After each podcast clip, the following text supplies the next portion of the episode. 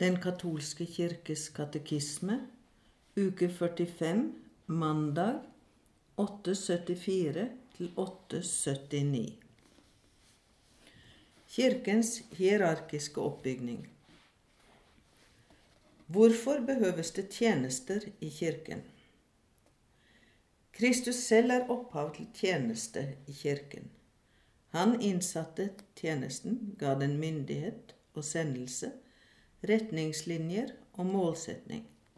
Til å lede og stadig forøke Guds folk har Herren Kristus innstiftet forskjellige tjenester i sin kirke, til gavn for hele legemet.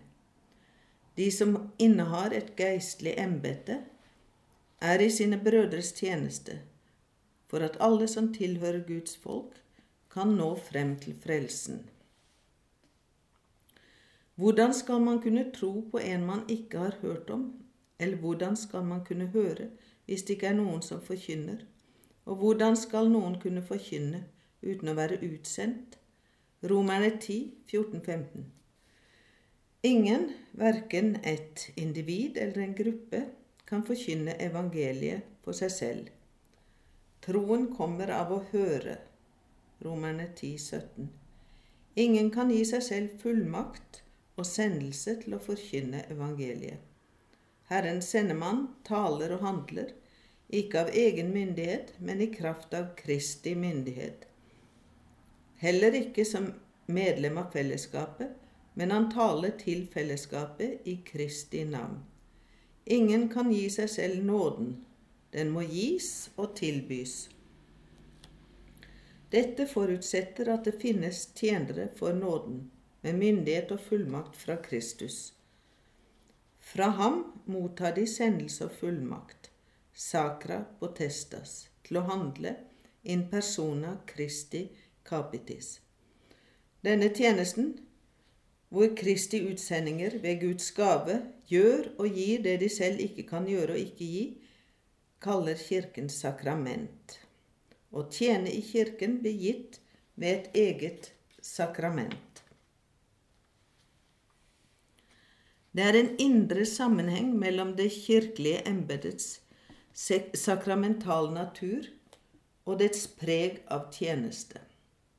For siden embetsbærerne avhenger fullstendig av Kristus, som er den som gir sendelse og myndighet, er de virkelig Kristi treller, Romerne 1.1, etter Kristi forbilde, han som for oss frivillig tok trellerskikkelse. Filipperne 2.7 siden det ord og den nåde de tjener, ikke er deres, men tilhører Kristus, som har gitt dem i deres varetekt for de andre, gjør de seg selv frivillig til treller for alle.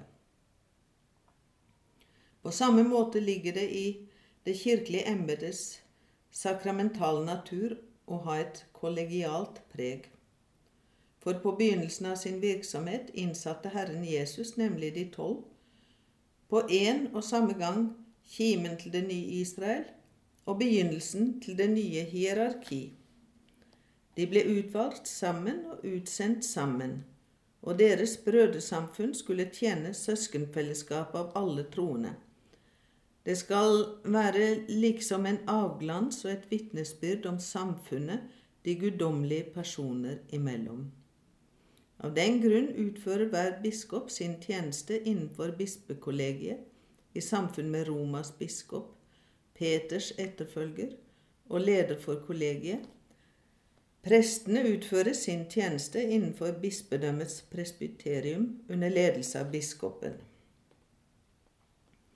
Endelig ligger det i det kirkelige embetets sakramentale natur å ha et personlig preg.